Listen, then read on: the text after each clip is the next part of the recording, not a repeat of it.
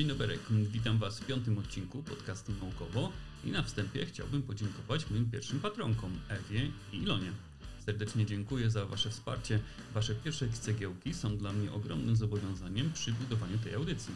A wszystkich, którzy chcieliby dołączyć się do wsparcia podcastu, zapraszam na mój profil na Patronite www.patronite.pl ukośnik naukowo oraz do udostępniania i informowania znajomych o nowych odcinkach. To naprawdę bardzo pomaga. A teraz lecimy z odcinkiem. Zaczynamy śpiewająco od muzyki. To, czego słuchamy i jaka muzyka nam się podoba, jest sprawą bardzo indywidualną. Ja na przykład najczęściej słucham house'u i polskiego rapu. Niektórzy z Was niemal cały czas słuchają muzyki, także podczas pracy czy nauki, a inni do zadań, w których potrzebne jest skupienie, wymagają ciszy. Coraz więcej dowodów potwierdza dobroczynny wpływ muzyki na samopoczucie i jakość życia. Słuchanie i tworzenie muzyki, na przykład poprzez śpiew lub grę na instrumentach, jest coraz częściej zalecane, w tym w raporcie Światowej Organizacji Zdrowia, jako sposób na poprawę jakości życia.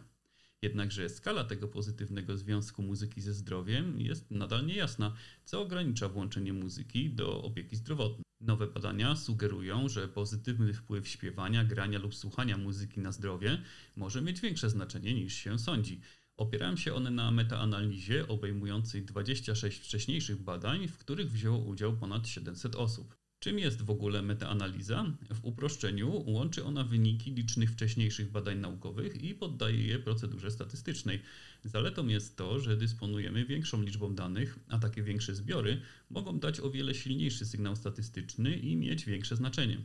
Trzeba niestety poświęcić dużo czasu i mieć odpowiednią wiedzę i doświadczenie, aby przebrnąć przez liczne badania w poszukiwaniu kilku, które mogą zawierać to, czego potrzebujemy. Metaanaliza 26 badań dotyczących wpływu muzyki dostarczyła jasnych i ilościowych dowodów, że istnieje związek między muzyką a istotnymi zmianami w samopoczuciu i jakości życia. Dodatkowo w ośmiu z tych badań wykazano, że dodanie muzyki do zwykłego leczenia wiązało się z klinicznie istotnymi zmianami zdrowia psychicznego w różnych stanach chorobowych. Z badań tych wynika także, że muzyka jest niezawodnie zaliczana do największych przyjemności życia, a w związku z tym może stanowić bardziej atrakcyjną i skuteczną alternatywę dla innych naszych starań o dobre zdrowie, takich jak diety czy ćwiczenia fizyczne. Ciekawa jest również obserwacja, że indywidualne różnice w efektach oddziaływania muzyki uniemożliwiły wyciągnięcie wniosków dotyczących stosowania muzyki w określonych sytuacjach, co może sugerować duże znaczenie naszych osobistych preferencji. Trzeba pamiętać, jak podkreślają sami autorzy metaanalizy, że jest to tylko przegląd dotychczasowych badań stanowiący wstęp i intrygującą hipotezę. Nie wiadomo co, kiedy, gdzie i jak leży u podstaw takiej skuteczności oddziaływania muzyki. Warto przy tym pamiętać, aby zachować odpowiednie poziomy głośności.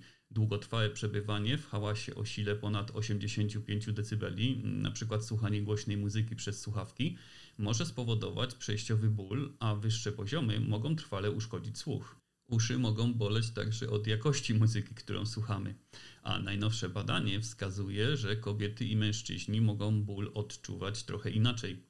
Kobiety są w nieproporcjonalnie dużym stopniu dotknięte ciężarem bólu przewlekłego. Częściej niż mężczyźni zgłaszają bóle dolnego odcinka kręgosłupa, bóle szyi, twarzy i bóle neuropatyczne, a dwa razy więcej kobiet zgłasza częste migreny lub bóle głowy. W ilościowej ocenie eksperymentalnie wywołanego bólu u ludzi kobiety wykazują większą wrażliwość na ból niż mężczyźni w odniesieniu do kilku bodźców, takich jak ból mechaniczny, elektryczny, termiczny czy chemiczny. Biorąc pod uwagę narastający kryzys zdrowotny związany ze źle kontrolowanym bólem przewlekłym, konieczne jest systematyczne badanie neurobiologicznych podstaw przetwarzania bólu u obu płci. Niestety zdecydowana większość przedklinicznych badań nad bólem była prowadzona wyłącznie na gryzoniach płci męskiej, ponieważ przez dziesiątki lat zakładano, że mechanizmy bólowe są w znacznym stopniu takie same u samców i samic. Nowe badanie po raz pierwszy pokazuje, że neurony w rdzeniu kręgowym przetwarzają sygnały bólowe w inny sposób u kobiet niż u mężczyzn. Praca ta jest wyjątkowa także dlatego, bo wykorzystano w nim tkanki rdzenia kręgowego samic i samców – pochodzące zarówno od szczurów, jak i od ludzi. Badając tkankę rdzenia kręgowego w laboratorium, naukowcy byli w stanie wykazać, że czynnik wzrostu neuronów odgrywa główną rolę we wzmacnianiu sygnalizacji bólu w rdzeniu kręgowym u samców ludzi i samców szczurów, ale nie u samic ludzi i samic szczurów. Gdy samicom szczurów usunięto jajniki, różnica ta zniknęła, co sugeruje, że żeńskie hormony płciowe mają organizacyjny wpływ na mechanizmy sygnalizacji bólu. Badacze zaobserwowali dramatyczny dymorfizm płciowy podczas przetwarzania bólu zapalnego. Pomimo tych dowodów, molekularne mechanizmy leżące u podstaw nadpobudliwości u samic pozostają niejasne. Konieczne są dalsze badania w celu ustalenia, które żeńskie hormony płciowe regulują ten dymorfizm.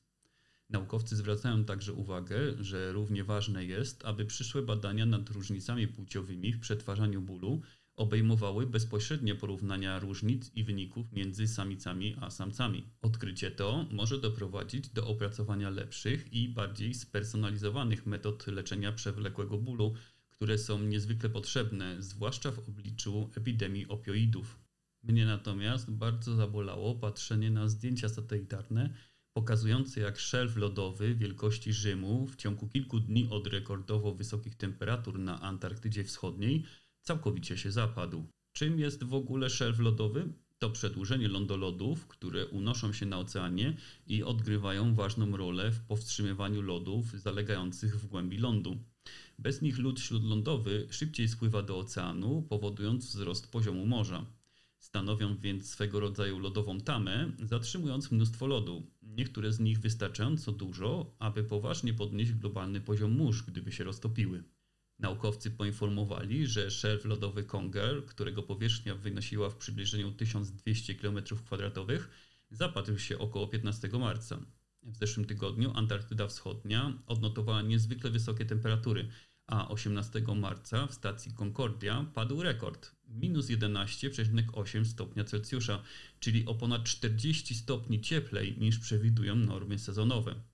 Inne duże części wschodniej Antarktydy osiągnęły temperaturę o ponad 20 stopni cieplejszą niż normalnie. Rekordowe temperatury były wynikiem działania prądów atmosferycznych, przyczyniły się do nich silne wiatry wiejące z nad Australii. Nagrzane i wilgotne powietrze uwięziło ciepło nad kontynentem, powodując wysokie temperatury na jego powierzchni. Tym samym czasie niektóre stacje w pobliżu bieguna północnego osiągnęły temperaturę o 30 stopni Celsjusza wyższą od normalnej, przy czym rekordy zostały pobite w Norwegii, a niezwykle ciepłe temperatury odnotowano także na Grenlandii. Na szczęście lodowiec znajdujący się za szelfem Kongera jest niewielki, więc jego wpływ na poziom morza w przyszłości będzie prawdopodobnie również niewielki. Ale załamanie się szelfu lodowego na dużą skalę jest bardzo niezwykłym wydarzeniem. Antarktydę kojarzymy jako wielką, pustą, zimną i nieruchomą kostkę lodu, a tymczasem to nie pierwsze takie zdarzenie. Wcześniej miały miejsce przypadki dzielenia się lodowca Toten i szelfu Glenser. W zeszłym roku ogromna góra lodowa odłupała się od zachodniej strony szelfu Roan, leżącego na Morzu Wedela na Antarktydzie.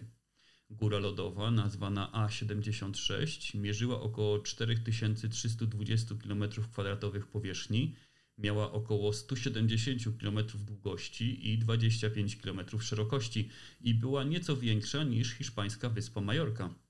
Naukowcy są szczególnie zaniepokojeni przyszłością lodowca o rozmiarach Florydy, nazywanego lodowcem zagłady, który zawiera wystarczającą ilość wody, aby podnieść poziom mórz na całym świecie o ponad pół metra. Skąd wiemy o takich zjawiskach? Góra lodowa A76 została dostrzeżona za pomocą zdjęć satelitarnych z misji Copernicus Sentinel-1.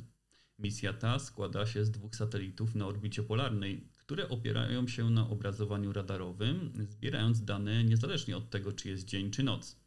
Pozwala to na całoroczny podgląd odległych rejonów, takich jak Antarktyda. Takie gwałtowne zjawiska są motorem dodatkowych badań nad procesami w regionie.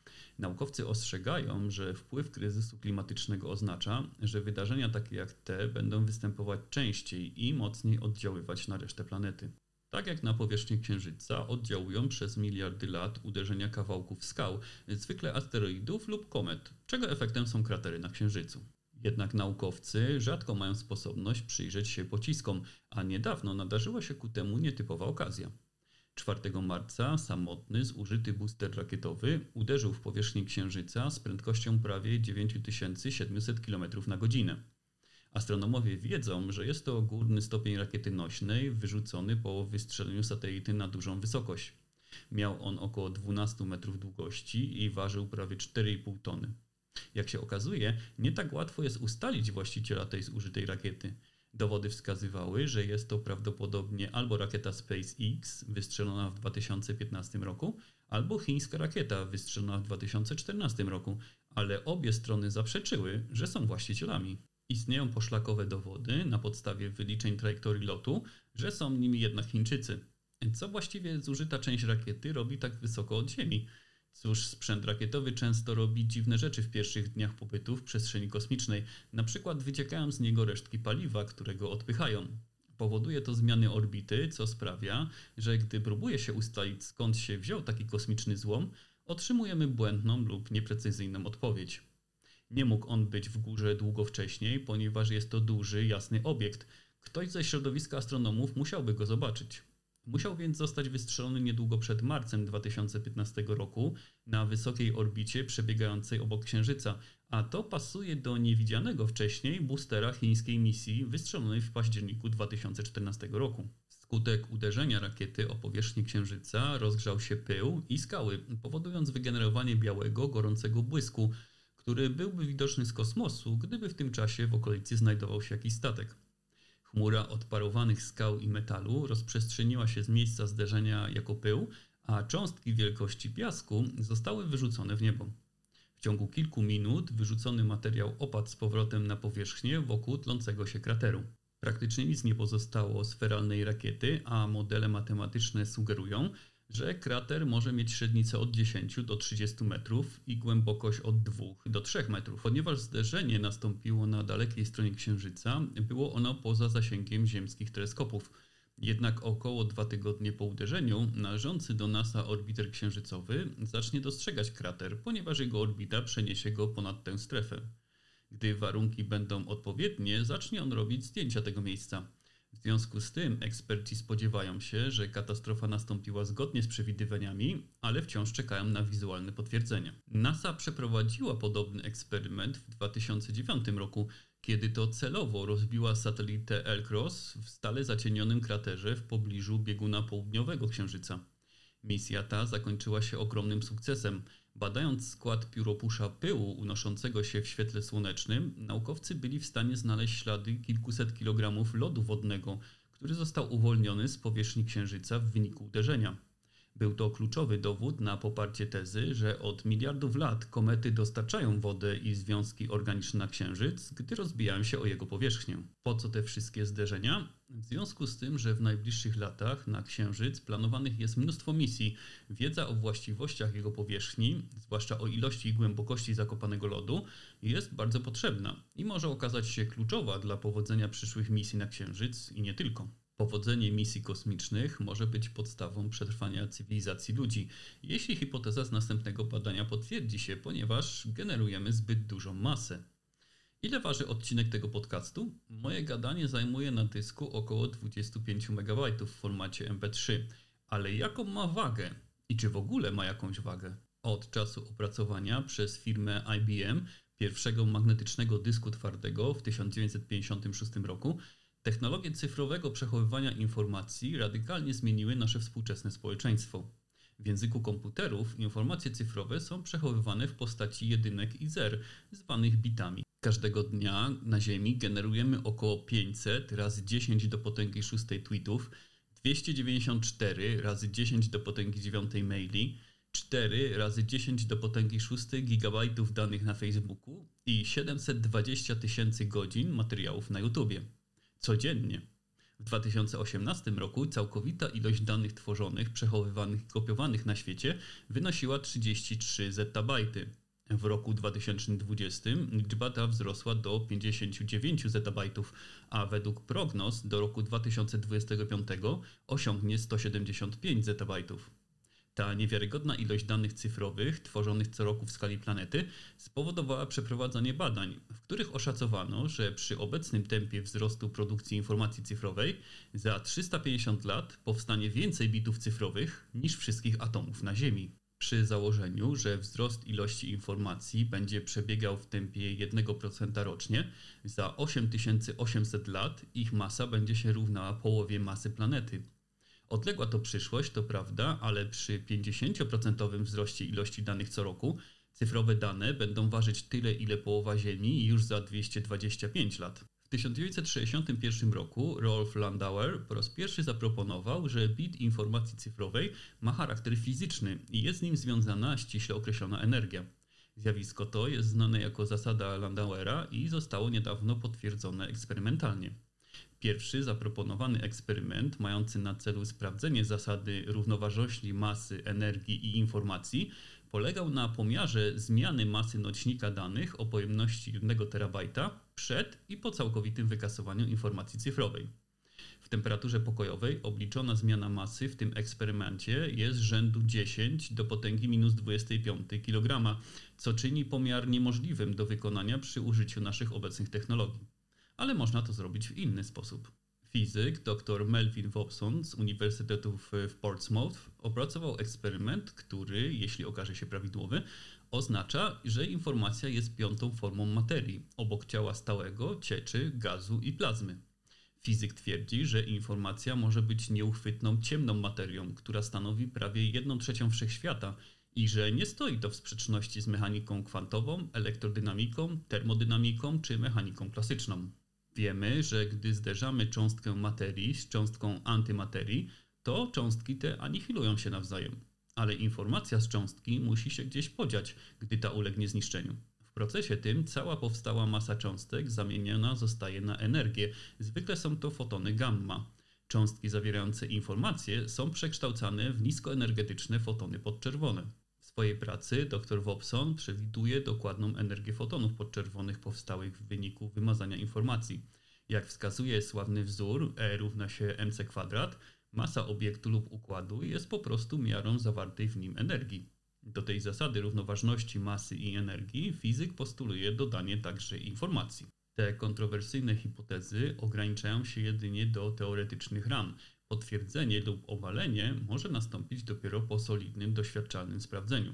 Ale wspomniany eksperyment jest w dużym stopniu możliwy do przeprowadzenia przy użyciu obecnych technologii i dostarcza kilku narzędzi kontrolnych, zapewniających, że detekcja fotonów jest rzeczywiście spowodowana wymazaniem informacji. A skutki udanego eksperymentu byłyby tak doniosłe, że być może zachęci to inne grupy badawcze do podjęcia próby jego przeprowadzenia. Za to ja na pewno przeprowadzę kolejny odcinek podcastu już w najbliższą sobotę. Zapraszam Was serdecznie. Dziękuję za uwagę i do usłyszenia.